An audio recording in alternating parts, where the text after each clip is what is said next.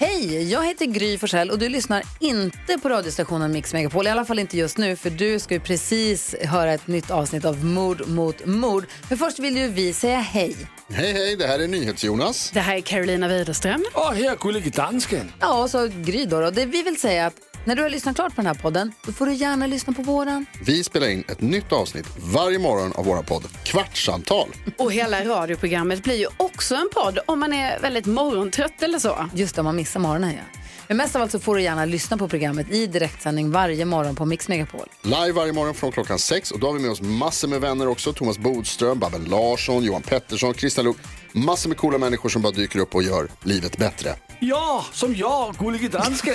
Exakt så. Och så mycket bra musik och annat skoj såklart. Så vi hörs när du vaknar på Mix Megapol.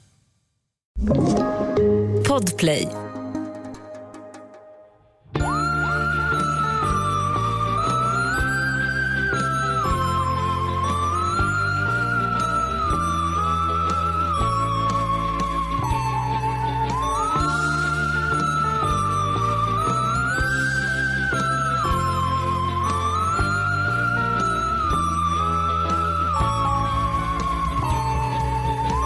Hallå, hallå till alla er lyssnare där ute. Hallå, hallå! Ah, och hallå, hallå till dig, underbara Hur mår du? Hur är Jag- läget? Nej, Det är bra, jag la mig precis. Eh, jag har liksom uh, stackat upp alla mina mm, kuddar och även den här eh, liksom, kudden som jag fått låna från dig. Ja, Som jag, ju, drömmen. som jag är väldigt förtjust i. Så att jag liksom, Alltså, jag, har, jag ska vara helt ärlig med att jag har ganska lite kläder på mig. och sen så liksom lutar jag mig, jag känner mig väldigt loungy, är det jag försöker säga. det låter som att du liksom är... Det låter sexigt på något vis. Alltså vet du vad, tvek. Om man inte är into pregnant ladies. Vilket man kanske är. Det kanske man är. Det, Ja. det, kanske, man, det kanske man vill vara. Eh, Kanske. men nej men det var mer, det var liksom ett sånt, eh, jag sjönk ihop, eller liksom sjönk tillbaka på ett sånt sätt som jag ändå tänker så här, ja nu skulle någon kunna mata mig med vindruvor. Alltså, det är typ min dröm. Att ligga, alltså du vet, och på en, en sån här um, schäslong. I, kanske i tåga eller i vanliga kläder. Jag vet inte, det spelar inte så stor roll. Det, det tillhör inte drömmen. Nej. Och eh, någon fläktar den och... är så två så personer, matad så. en, en fläktar och en matar. Exakt. Tanke om tåga. Mm. Jag tänker att det är lite för varmt, eller? Alltså, ah, du tänker att du vill vara naken typ? nej, Karin, that's a whole other, a whole other podcast. verkligen vad för någon. Eh, antik, antikens Antik- sexdrömmar. Alla våra antika ligg. Ja, typ så. Nej, men det jag tänker är typ så här, att jo, tåga, inte yoga, tåga känns som att man liksom, ehm, liksom drar ihop, alltså jag tänker mig att det är ett fullstort lakan som man liksom har gjort då till någon slags outfit. Då tänker jag att det, är, att det blir lite varmt. det var bara det jag ville säga. Jag tror att du är allmänt bara varm tillstånd just nu. Just det. Alltså, Jag tycker okej. det känns luftigt. mm. Det beror på hur dyra lakan man har. Det, ja, så är det ju. Egyptian cotton. Exakt. Det var konstigt jag uttalade det, jag så släpade länge på. Ja, Katon. ja, Hur jag är inte så du? bra på engelska. Ja, men jag mår bra. Vad bra. Mitt barn fyllde ett Nej, men- här eh, förra veckan. Gud, alltså jag kan inte förstå att hon har i ett år redan. Alltså, vet du, inte jag heller. Vet du, jag Och började... det känns så fånigt, man säger typ så här, det känns som igår typ hon kom. Och alltså det, det känns typ faktiskt, kanske inte som igår, men som för typ Förrgår. en månad sedan. Ja. Men typ. Alltså det är verkligen, eh, känns overkligt att det har gått så fort. Jag blev väldigt rörd för att jag, ehm, ehm, jag när jag skulle skriva till dig och gratta, jag, har, jag har liksom i, inlagt i min kalender har jag, jag har lagt in när, när Sigrid fyller år. Eh, Men så blev jag ändå, fick jag ändå säga, vad fan pinsamt det är om jag säger fel dag nu. Så då tänkte jag så här, Jag vet, nu ska jag gå in och dubbelkolla. Och så bara, Sigrid har, hon har ju inte Facebook än, så man kan ju inte kolla där. Nej. Och jag vet inte hur det är med Babies on Ratsit. Eh, Jag vet faktiskt inte heller. Du måste kolla. Eh, Men det jag gjorde var att jag gick in och kollade på min chatthistorik med din kille Oscar. Mm. Och då var det liksom, jag tror att jag hade skrivit till honom så 07.58. Och när jag gick tillbaka och kollade nu så var klockan typ så 08.03. Så det var liksom så nära. Prick ett år sedan. Ja, och så var det bara en bild på dig och Sigrid. Så då började jag gråta. Ja men alltså, åh, ja, nu börjar jag gråta. Nej, men det var så stört då, för jag kommer ihåg att jag skrev till eh, dig och typ mina två andra bästisar. Och, och sen så liksom gick det så fort, så typ Lovisa, min kompis, som var så här, skriv när, eh, typ, kan berätta hur det går, kan du uppdatera typ? Och då var det liksom en timme efter vi hade åkt in, och så skrev Oskar typ så här, skickade bara en bild. Och då, alltså du vet, det gick så fort tror jag. Ingen hann liksom, ingen hann med, inklusive, inklusive jag själv. Ingen, häng, ingen hängde med i svängarna. Nej, det var så... Men det var otroligt. Det gjorde du bra. Det gjorde du riktigt Men ett bra. år, ett år med Sigrid. Vad tycker hon, är hon, kommer hon bli en sån som firar sin birthday month? Eller vad tror du? Ja, Ja. ja. ja. hon hatar verkligen inte den uppmärksamheten. Hon börjar ta fake le mot folk, du vet. Så, alltså jätteinställsamt Åh. leende. Men alltså en gullig, nej okej det här är inte babypodden. Jag kan ta det, jag kan ta Vi det kan ta det off air. air. bra. Ehm, men så det var ändå nice och vi har varit på landet i nästan en vecka. Det var väldigt skönt. Skönt. Och nu är vi mitt i flyttpackningen. Så att ehm, det är högt och lågt så att säga. Det händer mycket. Det Det, händer mycket. är action. Vi har Det också det. varit på landet. Det har varit väldigt mysigt. Vi har, Så nice ju. ehm, vi har varit där med min kompis Sanne som jag delar med och hennes två kids som är åtta och elva kanske. Nio och Jag tänker att de bara ser det som så lekledare hemma. Ja men typ. Alltså framförallt är ju Marcus väldigt, väldigt bra. Men det som var väldigt bra nu, för att jag eh, hatar ju en lek. Det vet du ju. Alltså jag hatar ju en festlek om man säger så. Men eh, jag tycker att det känns okej när barn är inblandade. Barn, det är ju lite mer deras grej. Jag tycker inte om när vuxna approprierar barnkulturen genom lek. Jag tycker det är respe- respektlöst. Ja. Men nu då när jag var så, då är så gravid och till exempel inte kunde vara med på säckhoppning, eftersom jag inte ville föda mitt barn i säcken, eh, då fick jag vara med och vara domare. Min mamma gjorde precis samma trick på midsommar. Va? Är din mamma gravid? var med och, nej, men hon, är, hon tog snabbt domarämbetet. Så smart. Eh, Det är en och klok man kvinna. kan ju stå där, kan man ju stå där och garva åt alla andra på sidlinjen. Jag tycker att det är, jag tycker man kan bjuda lite på sig själv, Karin. Nej, inte jag. Jag hatar Jag, det. jag, försökte, mm, jag försökte instifta björnskytte. Men jag fick nej. Jag fick Vad nej. fick du nej? Eller min syrra sa så här, vi har ju Ahlgrens bilar. Vi hade liksom inga Haribo-björnar. Ja. Så det kunde ha blivit bilskytte, men mamma, mamma sa nej. Hon var ändå domare. Och vet vad, glöm allt jag sa om din mamma, jag är riktigt besviken på henne. Jag trodde du skulle bli glad, du hatar ju björnskytte. Jo men jag vill ju att andra, återigen, jag vill stå vid sidlinjen. jag, vill inte, jag vill inte bära mustaschen själv. Nej, Han bara, men det kanske var det, ni inte hade några mustascher. nej Din precis. mamma kände att ska vi göra det, då ska vi göra det det, då ska det ordentligt. göras ordentligt, exakt så. Nej men jag, nej, jag tycker det är hemskt. Jag tycker faktiskt det är Mm. hemskt. Men som sagt, så länge det är barn med så är det ju rimligt. Då kan jag också Ja. tänka mig vara med själv. Faktiskt. Jag fattar precis vad du menar. Ja, bra. Ehm, Något annat? Annars tycker jag vi drar igång ja, vänta, en sak ska vi säga innan. sändningen. Mm. Nästa söndag spelar du och jag in eh, första omgången sommaravsnitt. Ja, men just det. Tills dess får man gärna skicka in lyssnarhistorier. Vet du vad? Ett, jag fick ett exempel, jag fick, här kommer ett exempel som man kanske kan, liksom kan börja tänka. Ehm, För att vi har ju alltid väldigt svårt att beskriva vad det är vi vill ha för historier. Kan vi säga. Ehm, Men det var en person som skrev till mig med en historia om ehm, eh, när hon bok, råkade boka in en dejt med fel person. Ja, Som vi spännande. pratade om eh, här om, eh, här om veckan. Eh, Ja. Mm. Den typen av historier. Kan man, alltså, man kan liksom studsa på vad som helst i podden. Absolut. Så länge det är skoj, eller spännande, eller läskigt. Ett poddtips från Podplay. I fallen jag aldrig glömmer djupdyker Hasse Aro i arbetet bakom några av Sveriges mest uppseendeväckande brottsutredningar. Går vi in med hemlig telefonavlyssning och, och då upplever vi att vi får en total förändring av hans beteende. Vad är det som händer nu? Vem är det som läcker?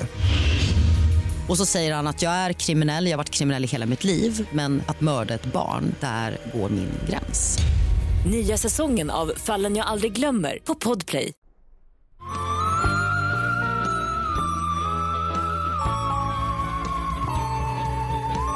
Jun och Min Lin kom båda från Gung, Gungshao, tror jag man säger kanske, i Kina. Men eh, träffas i Sydney. Och Jun är två år yngre än Min. Hon är född runt 1966, han är född runt 1964. Och båda två är i Sydney för att plugga. Och eh, de blir superkära och bestämmer sig för att vara kvar i Australien tillsammans. Jag skulle väl gissa att det här är typ 80-tal, mitten av 80-talet kanske. Ja. Ehm, och efter ett tag då så gifter de sig och påbörjar liksom ett så här väldigt lyckat liv tillsammans på flera olika sätt. Det går bra för dem rent karriärsmässigt. Min och Jun köper en news agent-affär, vilket... Alltså Spännande. Jag, jag hade liksom lite svårt att översätta det till en svensk kontext. För på ett sätt tänker jag att det är lite grann en tobaksaffär. Ja, det skulle jag nog tro också. Ja, eller hur? Bra, vi säger det. Eller, precis. Jag tänker att det är typ som pressstopp som finns på Götgatan. Ja, fast det är ändå lite mer... Jag kommer bara kalla det för affären eller butiken eller Ja. så. Men när Okej, jag okej, kallar okej. det för det så vet ni att det är en så kallad news agent.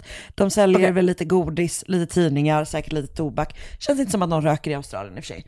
Men den typen av butik i alla fall. Alltså när jag var i Australien då köpte vi 50 pack med cigg. Så jag, jag tror att det finns verkligen folk som röker där. Men väldigt dyrt. Jag minns inte, men ehm, Jag tror att det är fruktansvärt dyrt med cigg i... det var väldigt praktiskt. Ja, väldigt, väldigt praktiskt. Det är också, jag gillar ett commitment. Man är Alltså, väldigt. Nu dedikerad. ska jag ha 50 av just den här sorten. Okej, nu kör vi. Ja. Ehm, ja, okej, den ligger i alla fall i Sydneyförorten Epping och snart har de liksom så jobbat upp sig så att de också kan köpa en villa i samma eh, förort. Det är liksom en så här medelklassförort. Oj. Hör du? Nu kommer åskan. Nej. Mysigt. Ah, okay. eh, så att de flyttar då till Epping och bor i en villa där eh, och köper också ytterligare två butikslokaler på samma liksom, affärsgata som, som den här eh, butiken ligger. De har också en väldigt så här, nära och fin familj. Jun och Min får tre barn. Först får de Jun, eh, som stavas med J, eh, och mamman stavar med Y. Ehm, och sen så får de Eh, hon kallas för Brenda, så jag kommer kalla henne för Brenda, för det är det som liksom alla kallar henne för. Tre år senare får de Henry och sen till slut så får de Terry, ytterligare tre år senare. Och barnen är så väldigt nära varandra. Brenda tar hand om sina småbröder, de hänger ofta tillsammans och umgås alla tre. Min jobbar mer än heltid i den här butiken, men mamma Jun är, hon är där på halvtid och resten av tiden så är hon hemma med barnen. Och i butiken så jobbar också Juns sys- syster Irene, Irene. Och hon har också flyttat in med familjen, så de bor då tillsammans alla sex i den här villan. Sen har de också Mins föräldrar i en annan del av Sydney. De heter Yang Fei Lin och Feng Kin Shu.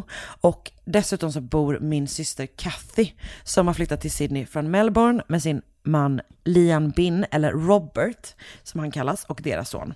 Ehm, så att de bor liksom i samma område men typ i, på andra sidan en park liksom. Och Kathy jobbar också i den här butiken som de äger, så att de är, de är liksom en väldigt så här tight knit family som är så här väldigt väl etablerade i sitt nya hemland. Och du vet, det går väldigt bra för barnen i skolan. Brenda är väldigt duktig, hon har ett så starkt kompisgäng runt sig. Henry älskar att spela badminton. Eh, och är väldigt inne på det. Och Terry är den personen som de typ tycker är så här mest lik, eller den av barnen som de tycker är mest lik pappa min. De är så här, du vet, lättpratade, väldigt så här lätt omtyckta personer som typ alla som träffar dem instantly likes liksom. I juli 2009 så är Brenda 15 år gammal och går alltså i high school. Och hon pluggar franska och under sommarlovet ska hon åka på en skolresa till New Caledonia, som alltså då är franskt territorium. Eh, och planen är liksom att de ska, ja men hon är väl där för att, hon åker med sin skola för att träna på franska helt Mm. enkelt. Ska vara borta en vecka, ehm, men kvällen innan hon ska åka så har hon liksom svårt att sova typ. Så flera gånger så här, hon typ går och lägger sig och flera gånger går hon upp igen efter att hon har gått och lagt sig för att typ så här säga hej då till sin mamma en gång till och hon vill säga hej då till sin bror Henry en gång till och alltså du vet så här, hon liksom, hon håller på. Ehm, Och hon har nog aldrig, eller hon har aldrig rest ensam innan såklart, för hon är bara 15 liksom, så det är en så stor grej att hon ska åka. Och eh, hon önskar också att hon, eller hon försöker säga hej då till sin yngsta bror och även sin moster en extra gång. Men de har hunnit somna. Eh, så till Okej. slut så får hon istället gå och lägga sig liksom. Eh, och är alldeles sådär pirrig liksom. Eh, men dagen efter så spelar hon lite coolare. För att det är hennes pappa som kör henne till flygplatsen. Och där träffar hon sina klasskamrater.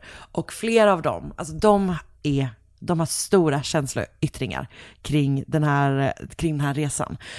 Och att de ska så här, lämna sina familjer för den här veckan då. Ehm, så att flera av dem liksom, de gråter och du vet så här, vägrar släppa sina föräldrar. Och när de står i den här, liksom, eh, i den här flygplatshallen typ. Och Brenda tycker att så här, kom igen, de är lite onödigt, onödigt dramatiska. Eh, Så hon säger typ hej då till sin pappa utan att här, säga att hon älskar honom eller utan att, eh, utan att krama honom ordentligt. Alltså verkar mest vara som att det bara är en, en reaktion på att liksom, hennes klasskamrater håller på typ. Så Brenda åker iväg på den här skolresan och allt går liksom bra och hon hade toppen med sina klasskamrater.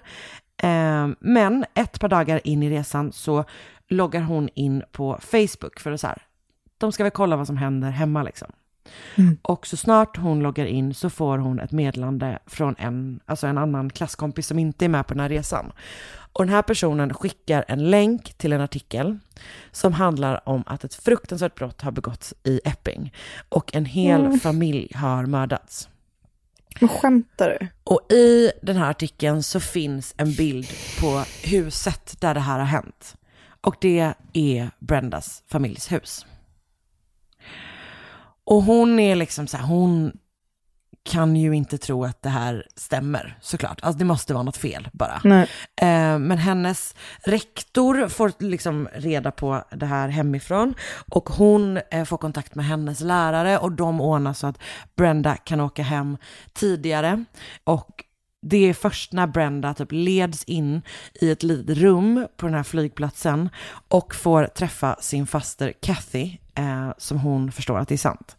Alltså, hennes familjemedlemmar har allihopa blivit mördade. Men gud. Och det här är liksom vad som har hänt under tiden som Brenda har varit borta.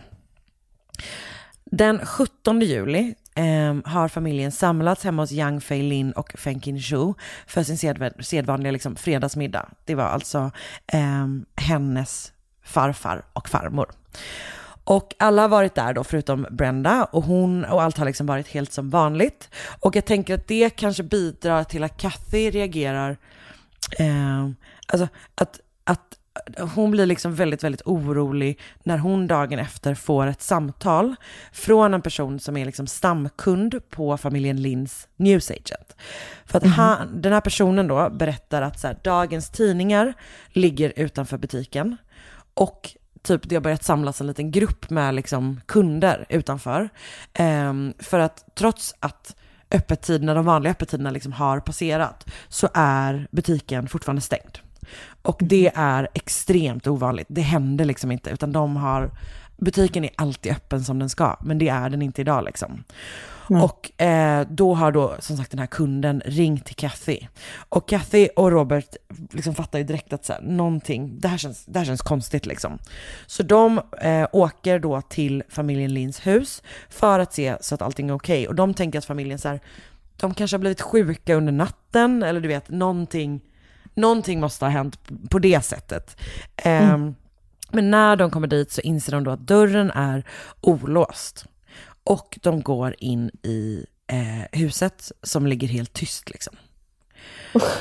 Det första rummet de går in i är Jun och Mins och där är det liksom, de fattar direkt att någonting fruktansvärt har hänt här. För det är alltså blod överallt. Det är liksom, du vet, på väggar, på taket. Alltså det är verkligen, det jag har råkat se eh, lite brottsplatsbilder och det är fruktansvärda eh, bilder verkligen.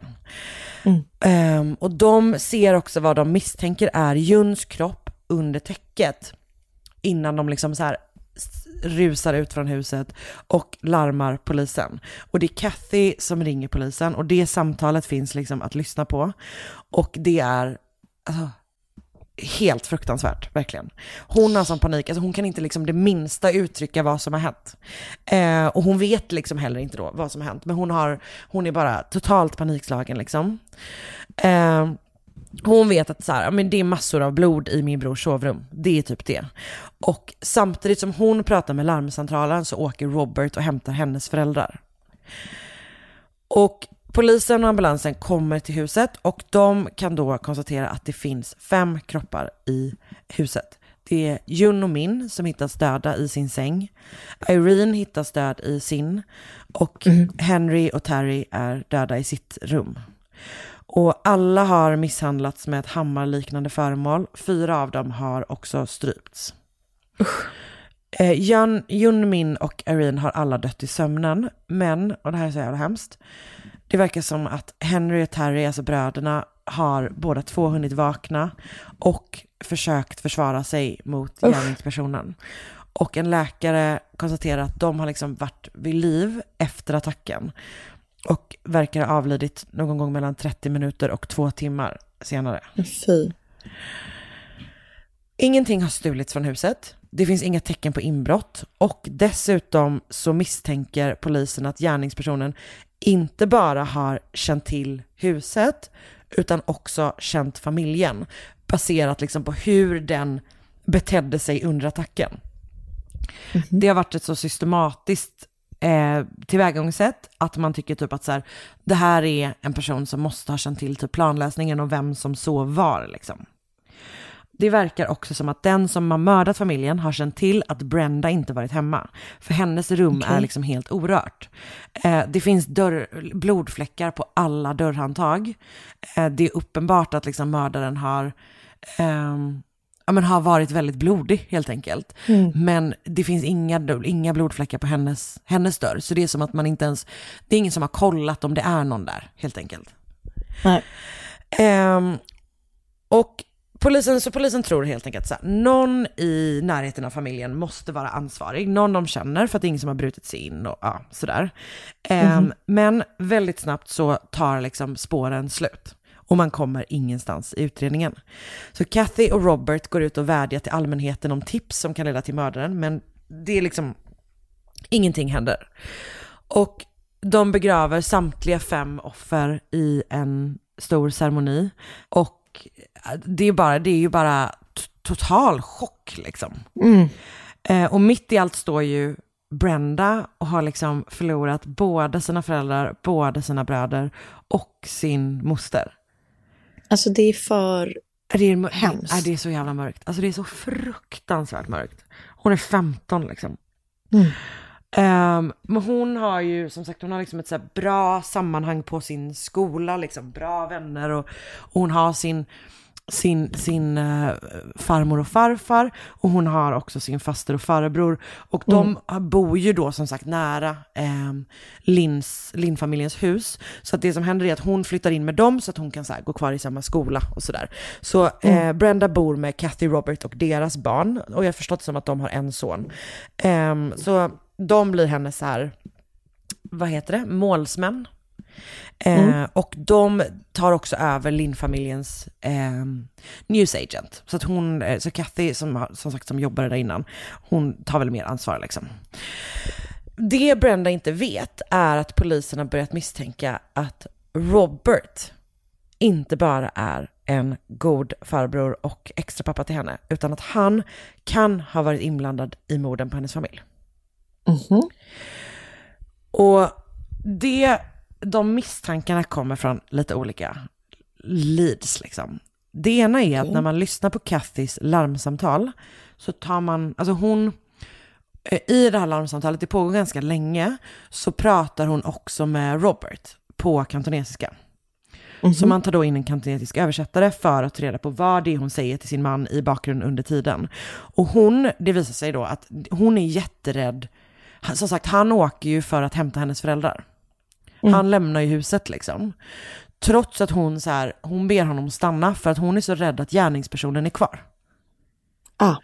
Och det är ju en, alltså, en rimlig rädsla såklart. Liksom. Men Absolut. det man då tänker är att han är så lugn med att lämna henne i det här huset där något så himla himla fruktansvärt har hänt, utan att då också kolla om det finns någon kvar, eh, för att han vet vem gärningsmannen är. Liksom. Så det är liksom den första så misstanken. Och det andra är ett skoavtryck. Eller inte ett skoavtryck, men avtryck från en sko. Eh, för i huset så har polisen hittat flera blodiga skoavtryck som visar sig matcha en Asics sneaker i en amerikansk storlek 8,5 till 10,5. Och det finns bilder när Robert har på sig skor som matchar det eh, avtrycket. Aha. Men det är liksom bara en, alltså en hunch som polisen har helt enkelt. Så tiden går, ingenting händer. Um, man bestämmer sig till sist, och det här är, jag vet inte om det här är någonting som man brukar göra i Australien, men det är ganska speciellt. De installerar en dold kamera hemma hos Robert och Kathy. Oj, I deras hus, typ. alltså i deras kök, typ. det låter ju... Det låter ju absolut inte som någonting är, som är, hade varit helt kosher att göra på ganska många andra platser. Men Nej. det gör de i alla fall. Och det gör de i maj 2010, så typ tio månader efter morden. Och de gör det efter att de har berättat för Kathy. Och då bor Brenda där hemma? Ja, exakt. Och det de gör är att först så berättar de för Kathy om de här skoavtrycken. Och sen installerar de kameran, de kanske hade gjort det först. Men de berättar i alla fall det för henne och i samband med det så får de napp på sina eh, övervakningsband. För att de alltså filmar Robert när, alltså han syns när han river sönder en Asics eh, skokartong. Och spolar ner bitarna i toaletten. Nej. Så han liksom så här blötlägger kartongen för att göra sig av med den, för att kunna spola ner bitarna. Alltså jäklar. Ja. Det kommer fram att Robert städade sitt garage samma morgon som mordet upptäck- upptäcktes. Jag vet inte, jag gissar att det skedde innan de åkte dit. Det måste det nästan ha gjort.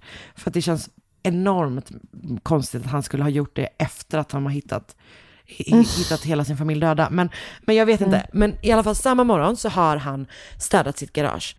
Men det visar sig att när man letar riktigt noga så eh, kan man se att han har missat en fläck. Så under, antingen är det under en byrå eller så är det under ett gäng lådor, lite oklart. Okej. Eh, Men där, I garaget också? i garaget, exakt. Så hittar man under husrannsakan en fläck som tester visar är blod. Den här fläcken kommer att kallas för Stain 91 och är liksom avgörande och jättekänd i det här fallet. Eh, så det man gör är att man tar den här fläcken och skickar den på analys till Cybergenetics i Pittsburgh. De kommer fram till att den består av DNA från fyra av de fem offren. Åh jäklar. Stain 91. Först i maj 2011, alltså det har alltså helt enkelt gått typ två år, eh, så grips Robert för morden på sin svåger, svägerska, deras två söner och sin svägerska syster. Men den här rättsprocessen kommer bli extremt utdragen. Först i december 2012 åtalas han och sen ska man inleda rättegången i september 2017, nej 2013. Men det skjuts upp till maj 2014 och sen till augusti 2014. Så nu är vi fem år in. Eh, och sen till februari 2015.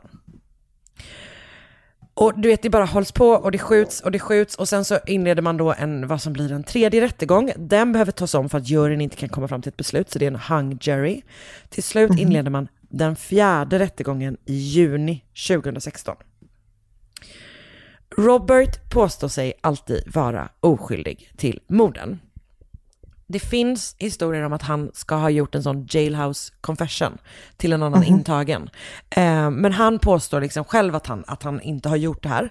Hans fru Kathy har alltid liksom stått vid hans sida. Eh, så hon, hon... Men skulle motivet vara då, det, ehm, det skulle då vara som, som eh, att, med affären eller? Alltså precis. Det här, är- du är inne på exakt samma Förlåt, spår. jag- Nej, vet du vad? Min nästa mening var så här. Åklagaren menar att motivet för morden, så du hade vi var helt, vi, we were flowing bra. man. Okej, Eh, innan jag då avbröt dig eh, och läste rakt upp och ner. Eh, nej men det, man, det som man, sägs vara motivet är att Robert har en känsla av att han är liksom misslyckad och otillräcklig. Han ska ha varit läkare i Kina innan han flyttade till Melbourne och där öppnade han och Kathy en restaurang som gick jättedåligt. Så det är efter att den har konkat som de har flyttat till Sydney. Och där har han då behövt möta sin svåger liksom med sin så här superlyckade butik och sitt så här superstabila, väletablerade medelklassliv typ. Så att det man säger är helt enkelt att det är avundsjuka. Och uppenbarligen så har de ju också fått butiken när eh, familjen Linn har, har dött allihopa Mm. liksom. Mm. Ehm, I februari 2017 så döms Lian bin Robert eh, till fem livstidsdomar för morden på Min, Jun, Henry, Terry och Irene Lin. Och strax efter att den domen har fallit så pratar Brenda med pressen för första gången. Och då kommer hon med ytterligare ett möjligt mot- motiv för Roberts brott. För hon säger att hennes farbror har förgripit sig på henne. Och hon säger att det har börjat liksom innan morden på hennes familj. Men övergreppen har då eskalerat när hon flyttade in hos honom och Kathy. Så man misstänker helt enkelt att så här, ja absolut, det finns liksom den här eh, avundsjukan och viljan att typ lite grann ta över deras liv och deras butik och sådär. Men man misstänker också att han, alltså en anledning till att han mördade hennes familj var för att komma närmare och kunna kontrollera Brenda. Han ville ha henne för sig själv liksom. Brenda verkar vara en otrolig person. Jag såg en lång intervju med henne från 2017 som är liksom när hon går ut och pratar om det här då första gången. Eh, och hon är verkligen, alltså vissa personer som går igenom saker som jag tycker att vi ganska, man ganska ofta möter i den här typen av historier är så... um, jag tror att jag själv hade haft så himla svårt att se något, något ljus. Du vet, när man har blivit utsatt Mm. i, av någon som är så nära för... Nej, men så hemskt. Ja, nej men både de här övergreppen och att han liksom har... Och ja, eh, så dubbla övergrepp, verk, eller Ja, och förstört hennes liv liksom. Ja. Eh, men hon säger att hon liksom så här, genom det här fruktansvärda som har hänt henne så har hon eh, lärt sig så här om hur mycket gott det finns i mänskligheten. För att hon har Gud. mött så himla mycket gott efter det här liksom. Och det hon, hon säger att det hon ångrar mest är att hon inte kramade sin pappa när hon sa hej då till honom på flygplatsen innan hon åkte på skolresan. Och det, alltså det är så sorgligt. Och sen har, här kommer ett, ett eh, citat från Brenda.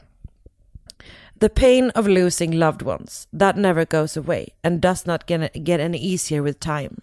As time goes on, others may forget, but I will have to live with the aftermath of the crime for the rest of my life. Mm. Och senast i februari 2021 så var Roberts fall återigen upp i rätten för att han försöker få resning. Eh, ansökan avslogs och då var både Kathy och Brenda i rätten. Och Kathy eh, står liksom fast vid sin mans sida medan Brenda var där för att representera sin familj. Jäklar. Och det var det, Lynn Family Murders ehm, kallas liksom fallet på engelska. Och jag har då sett en dokumentär, som sagt, in, eh, dokumentär typ intervju med Brenda av Seven News Spotlight ehm, som har titeln Soul Survivor, Brenda Lynns harrowing story of betrayal and murder. Jag har läst ett gäng nyhetsartiklar från Sydney Morning Herald och news.com.au läst en me- mediumartikel av Fatim Hemrash, en unreserved artikel som heter A Family Feud Turned Bloody av Amalia Hilda Och även en tidslinje för fallet av eh, Armydale Express samt Wikipedia. Tack Karin, det var starkt verkligen. Det är ett sånt fall som jag har varit så här planerat att göra ett bra tag. Och sen, det är liksom för...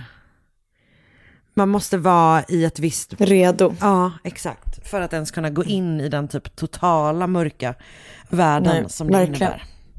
Det finns också ett, eh, ett eh, väldigt bra Casefile-avsnitt om, om Ah. jag har inte lyssnat på det nu men jag har gjort det tidigare. Så att jag tänker Jag att jag tyckte länkar att det jag också. kanske kände igen det, Ja, men- om det var därifrån. Ja men det är nog Mm. därifrån. Det är nog, eh, för det kom, eh, det, det är typ några år sedan men det är jättebra. Så jag lägger med det i gruppen också när jag länkar källorna. Tack Karin. Tack ska du ha. Ny säsong av Robinson på TV4 Play. Hetta, storm, hunger. Det har hela tiden varit en kamp. Nu är det blod och tårar. Fan händer just nu. Det. är Detta är inte okej. Robinson 2024, nu fucking kör vi! Streama söndag på TV4 Play. Ett poddtips från Podplay. I podden Något Kaiko garanterar östgötarna Brutti och jag, Davva, dig en stor dos skratt. Där följer jag pladask för köttätandet igen. Man är lite som en jävla vampyr. Man har fått lite blodsmak och då måste man ha mer. Udda spaningar, fängslande anekdoter och en och annan arg rant.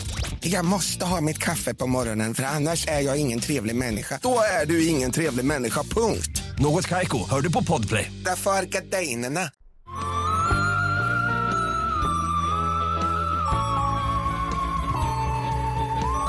Jag eh, ska idag göra ett, eh, du kommer nog känna igen det här fallet, skulle jag tro.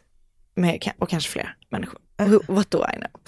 Eh, men den 22 maj 2010 mottar larmcentralen i Costa Mesa i Kalifornien ett samtal från en man vid namn Steve Herr. Han är stressad och uppjagad och ringer från sin son Sam Hurs lägenhet. Han berättar att han har hittat en död kvinna i lägenheten som ligger halvt över sängen och han säger att det ser ut som att det har pågått något sexuellt. Men att kvinnan är nu är död och att hon blöder från huvudet. När operatören frågar vad Sam är, om han också befinner sig i lägenheten, så säger Steve att han inte vet.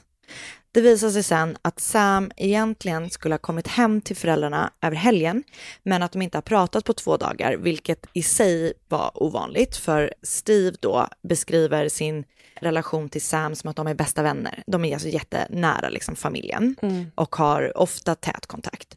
Så att Steve berättar då att när Sam inte dykt upp på fredagen som var avtalat så bestämde sig pappan för att åka och kolla läget typ, i hans lägenhet. Och då möts han då av den här fruktansvärda scenen.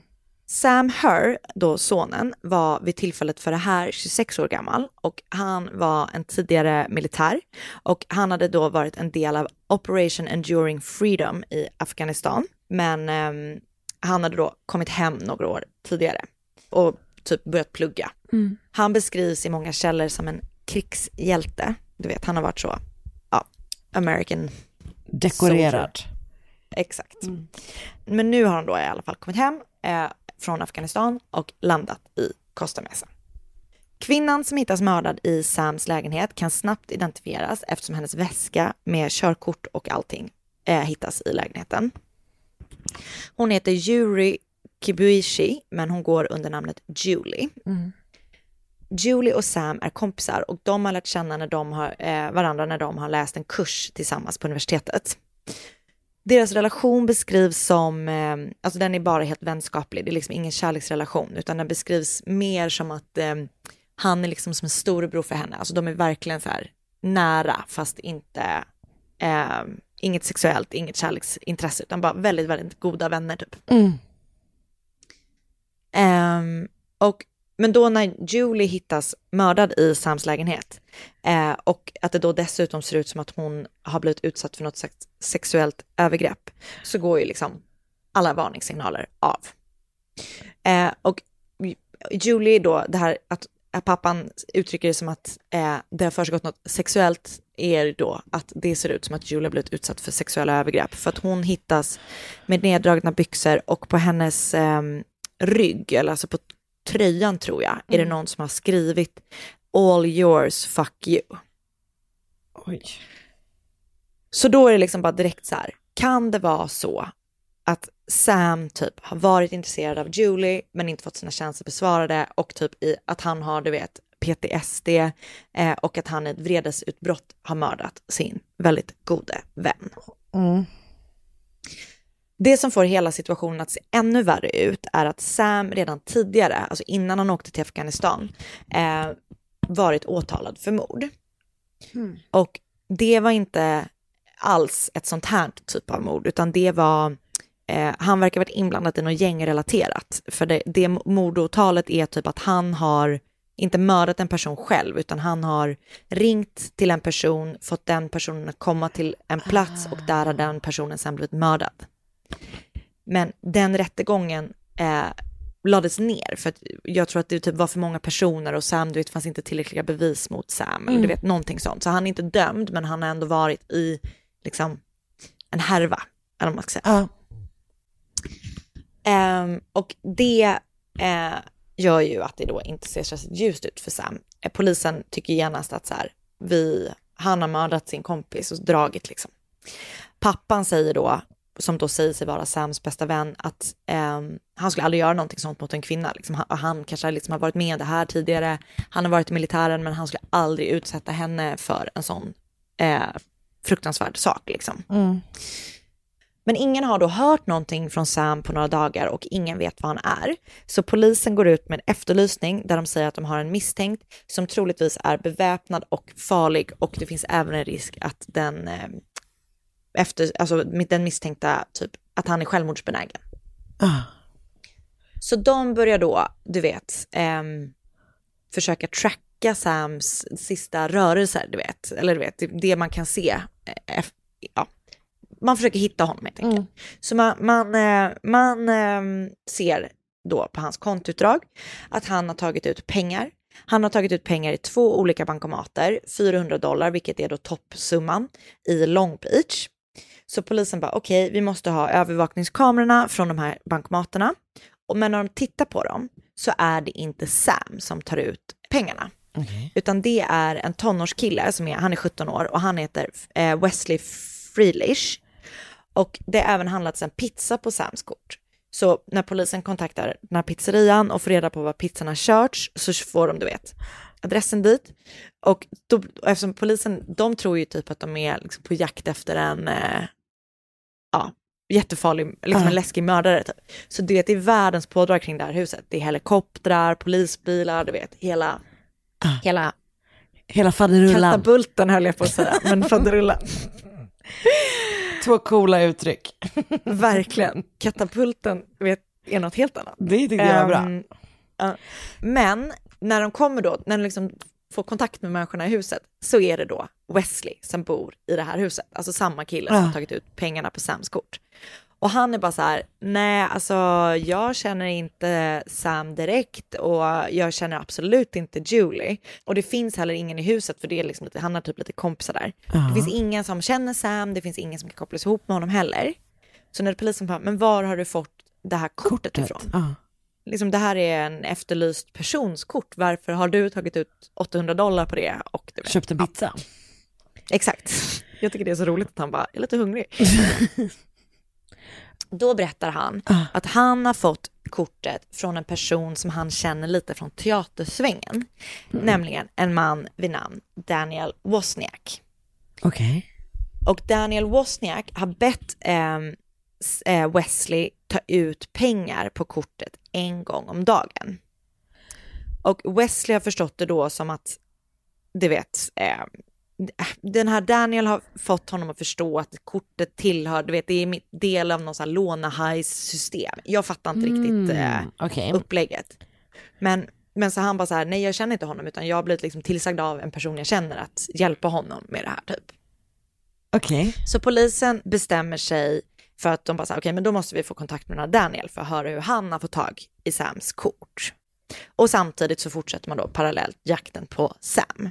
Och då kollar polisen såklart Julies telefon, för den finns ju i handväskan eh, på mordplatsen.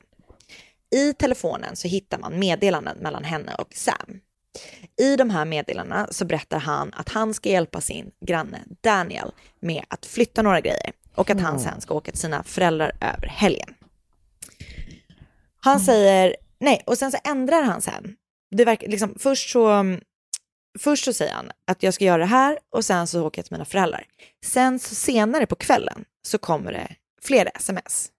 För då har han bestämt sig för att inte åka till sina föräldrar, utan han ber henne istället komma över. Han säger att han behöver prata med henne om en grej, att eh, han har det tufft för han har bråkat med sin familj. Mm. Eh, och hon svarar då direkt typ så här, men det är självklart att jag kommer. Och han skriver i smsen typ så här, no sex, typ, I just need to talk. Och då är det typ att hon bara, LOL, typ, we're like brothers, vad menar du? Typ. Ah. Alltså du vet så här. Sex was, wasn't on the table man. Alltså verkligen. Ja, jag fattar. Men hon är bara så här, men det, och han bara så här, don't bring anyone, jag måste få prata med dig i fred. Och hon bara, men självklart liksom. Jag kommer över senare. Ja.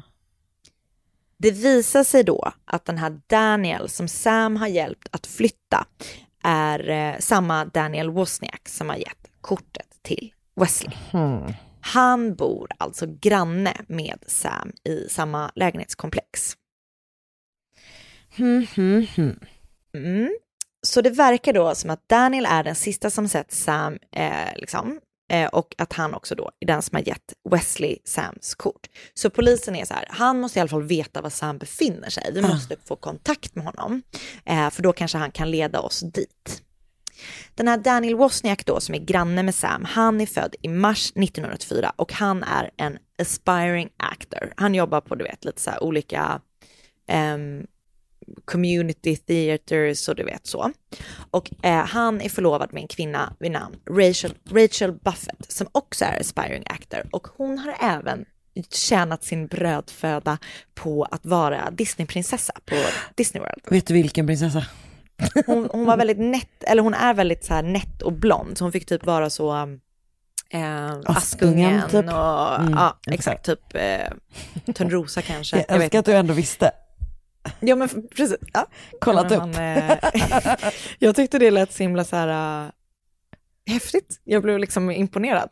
Ja, gud vad det också känns som att det är många aspiring actors som har sådana jobb. Typ Ja. även Lisebergskaniner. Till exempel. Ja, vem har varit det? Eh, ja, men det är mycket aspiring actors som har sådana jobb. Ja, ja, ja okej. Ja. Men det är ingen känd actor som har blivit känd nu.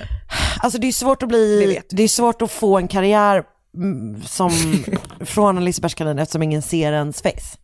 Nej, sant. Man har så bra kroppsspråk. Förlåt, kör på. Verkligen.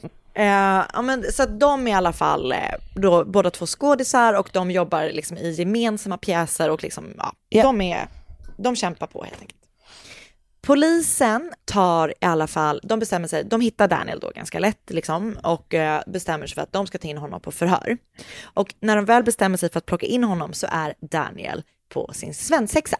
Så polisen eh, liksom bara knatar in på typ en bar där han sitter med sina polare och super. Ehm, Han tror att det är och, en eh, strippsituation på gång. Typ att de bara, han bara yeah, Han bara, yeah. "Ooh, sexy cops. Eh, nej men för att den dagen då han blir inplockad på förhör är det fem dagar kvar till hans bröllop. Alltså att de ska gifta sig, han och Rachel ska gifta sig fem dagar senare. Eh, men de plockar in honom och när han väl kommit in då så, så är de så här, vad är det som har hänt? Varför har du gett Sam Hurst som är en efterlyst mördares kreditkort till en tonåring? Och då berättar han att han har då lurat in Wesley för att hjälpa honom och Sam i ett, eh, liksom bedrä- i en bedrägeri, eh, i, en, i ett bedrägeri. Så att han berättar då att han och Sam har planerat att de ska tillsammans göra det här. Och det går då ut på att Daniel, som uppenbarligen då har tagit hjälp av Wesley, ska ta ut pengar från Sams kort och sen ska Sam anmäla det stulet och sen då få tillbaka de stulna pengarna typ genom en Mm. försäkrings... Eh, ja. Så det är en försäkringsscam helt enkelt. Men polisen är bara så här, vi tror inte riktigt på det här. Och det Daniel då inte vet när han sitter där inplockat på förhör är att polisen vet mycket mer än vad de låter Daniel förstå. För de har gjort en liksom, eh, omfattande brottsplatsundersökning där de har hittat saker som inte är särskilt positiva för Daniel. De har nämligen hittat Daniels DNA, DNA, DNA på brottsplatsen. Okej, så när Daniel, och du vet, de är bara så här, okej, vad menar du med den här kortscammen? Typ, vad, Ja, okej, vet du vart de han liksom- är typ? Ja. Och när han då börjar förstå att polisen inte riktigt köper hans story så berättar han vad som har hänt kvällen som Julie mördades. Han berättar då att Sam har kommit hem till Daniel den 21 maj och att han säger då att han har gjort någonting väldigt dåligt.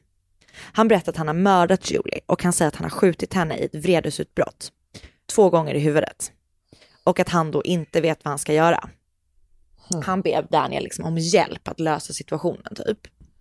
Och när Daniel säger att han inte vill ha någonting med det att göra, utan att det får Sam lösa på egen hand, så hotar Sam Daniel och hans familj. Han är typ så, om du, du vet, inte hjälper mig eller om du får mig att åka fast, I will fucking kill you and your wife. Typ.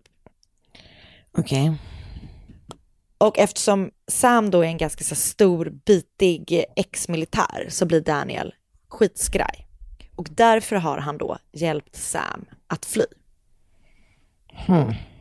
Men polisen köper ju inte den här storyn heller, för de har ju då hittat DNA på brottsplatsen. Så de tror ju inte på att Daniel liksom bara, inom verkligen air quote, har hjälpt honom att fly. Utan liksom då, för då hade ju Daniel inte varit på brottsplatsen enligt hans historia. Så när polisen ber Daniel om att få ett DNA-prov från honom så börjar han ändra sin, histor- sin story igen. Och han blir typ så här sjukt upprörd i förhöret. Du vet han är typ så här jättehetsig ton och bara okej, jag gick upp i hans lägenhet och jag såg kroppen. Är det det ni vill höra? Typ så. Åh, man bara, hjärtat, det är inte läge. och som du kanske hör är jag också en aspiring actor. Vet du vad? Inte ens aspiring, a well achieved actor. Well, thank you. Eh, och då är det polisen bara så här, nej men vi vill bara höra sanningen. Alltså vi vill inte att du ska hitta på någonting, vi vill höra sanningen. Berätta om hur ditt DNA kom på Julies kropp. Och då är han typ bara så här, men jag vet inte. Jag var där, jag stod ovanför henne, jag vet inte. Och polisen är typ bara så här, men DNA faller inte bara, liksom. det hoppar inte från en kropp till en annan. Han bara, nej men jag vet inte. Så polisen bara, "Ja, okej, ja, ja. Och då när han sitter häktad säger han så här, han bara, jag skulle gärna vilja ringa min fästmö, Rachel Buffett. Och så ringer han henne. Och i samtalet då, som såklart spelas in, så säger han typ så här, snälla säg ingenting som fram- får mig att framstå som dålig till polisen, säg ingenting som kan framstå mig så skyldig ut. Alltså du vet, typ helt så här jättepuckat samtal. Och då så är det typ så här, du vet, han, du vet, då är han typ så här, okej, jag, kommer gö- jag kommer göra någonting nu Rachel och du kommer aldrig mer se mig, säger han i samtalet. Okej. Och då är det typ att hon bara, no, no, no. Gud, du har verkligen radioteater den här veckan. Ja, jag, jag, vet. jag gillar det så mycket. Kul, tack. Um, Okej, men så när han har pratat färdigt med Rachel så kommer han ut och är så här, jag skulle vilja be att få prata med er igen. Och när de sätter sig i förhörsrummet så frågar poliserna så här, okej, har du något du vill berätta för oss? Och då säger han bara, yeah, I'm crazy and I did it. Och då är de så här, vad gjorde du för någonting? Och då berättar han då att han dödade Julie och att han dödade Sam. Han berättar att han har skjutit Sam två gånger med sin pappas pistol. Han har då lurat Sam till, den teater, eller till en teater på typ ett så militärområde där jag antar att eh, Daniel har någonting att göra, för jag vet inte riktigt hur. Ah. Ja. Eh, han har då bett Sam typ plocka upp någonting från golvet och sen har han skjutit honom i huvudet två gånger. Efter att han har mördat eh, Sam så lämnar han honom på vinden på den här teatern för att kunna ta hand om kroppen senare.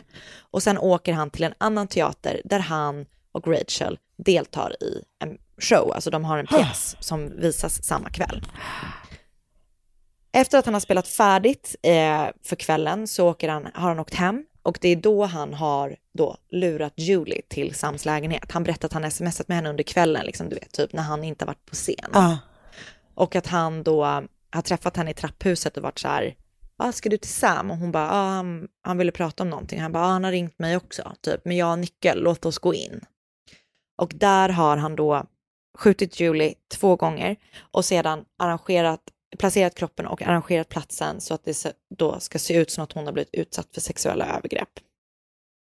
Han har, vad jag förstår, inte eh, Gjort utsatt henne för något sexuellt. Nej. Efter att han har mördat Julie så åker han vid något tillfälle tillbaka till vinden på den här teatern där han då har lämnat Sam. Och triggervarning nu, där styckar han sedan Sams kropp. Det verkar som att han liksom planerar att han ska göra sig av med kroppen, du vet, lite åt gången. Så att det inte ska liksom, jag vet inte, väcka uppmärksamhet eller vara typ jobbigt för honom. Eller jag vet inte exakt motivet bakom det. Men det verkar som att han lämnar då torson på den här teatern och sen så tar han med typ eh, ja, andra kroppsdelar som tillhör Sam. Och gör sig av ehm, i, typ en, i någon typ av nationalpark som jag förstår det. Efter att han då har mördat och styckat Sam så lägger han massa bevis i en ryggsäck som han sedan lämnar i sina föräldrars trädgård i vad jag då tror är en väntan på att göra sig av med det för gott. Ja. Motivet till att mörda Sam är enligt Daniel eh, själv money and insanity. Sam ska ha berättat för Daniel att han har mellan 50 och 60 000 dollar som han då har fått typ i alltså lön eller vad man ska säga, arvode från militären. Och Daniel är då i ett enormt behov av pengar. Du vet, de ligger efter med hyran, han ska gifta sig, de ska åka på bröllopsresa. Ehm, Det finns massa andra historier också om andra människor som har du vet, lånat ut pengar till dem och inte fått, eh, fått tillbaka och så här. Eh, så han har då bestämt sig för att mörda Sam för att komma åt hans pengar. Och då har han tänkt Eh. liksom så 400 dollar eh, i taget. Typ, alltså jag, jag fattar faktiskt inte. Men han säger då att plan, eller så här, tanken med det här med att han ska ta ut i olika bankomater är för att han vill att det ska se ut som att Sam är på rymmen. Just det, att han är vid liv ja. Mm, Exakt. Mm. Ehm, Gud, han har tänkt så här- så länge på den här planen. Alltså verkligen, och det finns också, de hit, polisen hittar också googlingar i hans dator, du vet, Ah, typ så här, Ja, inte how to get away with murder, men, Men typ, typ. sådana. typ. Ja, exakt. Ehm, ja, och anledning till att han då också har mördat Julie är för att han vill sätta dit Sam och låta polisen och hans familj och hans vänner tro att Sam har mördat henne och sen flytt. Så hon är liksom, Eh, mång- ah, fan vad sorgligt att hon, Hon är- liksom bara ja. är... Det är så jävla sorgligt och man får höra, jag, hör, jag såg något sånt eh, citat eller hörde något sånt citat från hennes familj att bara så här, för dig var hon bara liksom en, eh, ett lockbete, Ah, men för oss ah. var det liksom vår dotter och vår, hela vår värld. typ. Så jävla sorgligt. Ehm, men många, och många hävdar ju då att hade han inte mördat henne utan bara liksom låtit familjen tro att Sam hade dragit så hade folk kanske inte, du vet det hade kanske inte blivit sån jakt på Sam utan det kanske hade tagit mycket, mycket längre tid. Eh, han hade ju såklart åkt fast ändå. Ja. Men att liksom att ehm, ja, folk hävdar då att så här, det, det var ett misstag det han gjorde med Julie, för att, eller det var typ skitkorkat det han gjorde, Ja. vilket det ju verkligen var. Oh, fy fan Ehm, vad sorgligt. Ja, men så han grips och häktas då för mordet på Julie och Sam.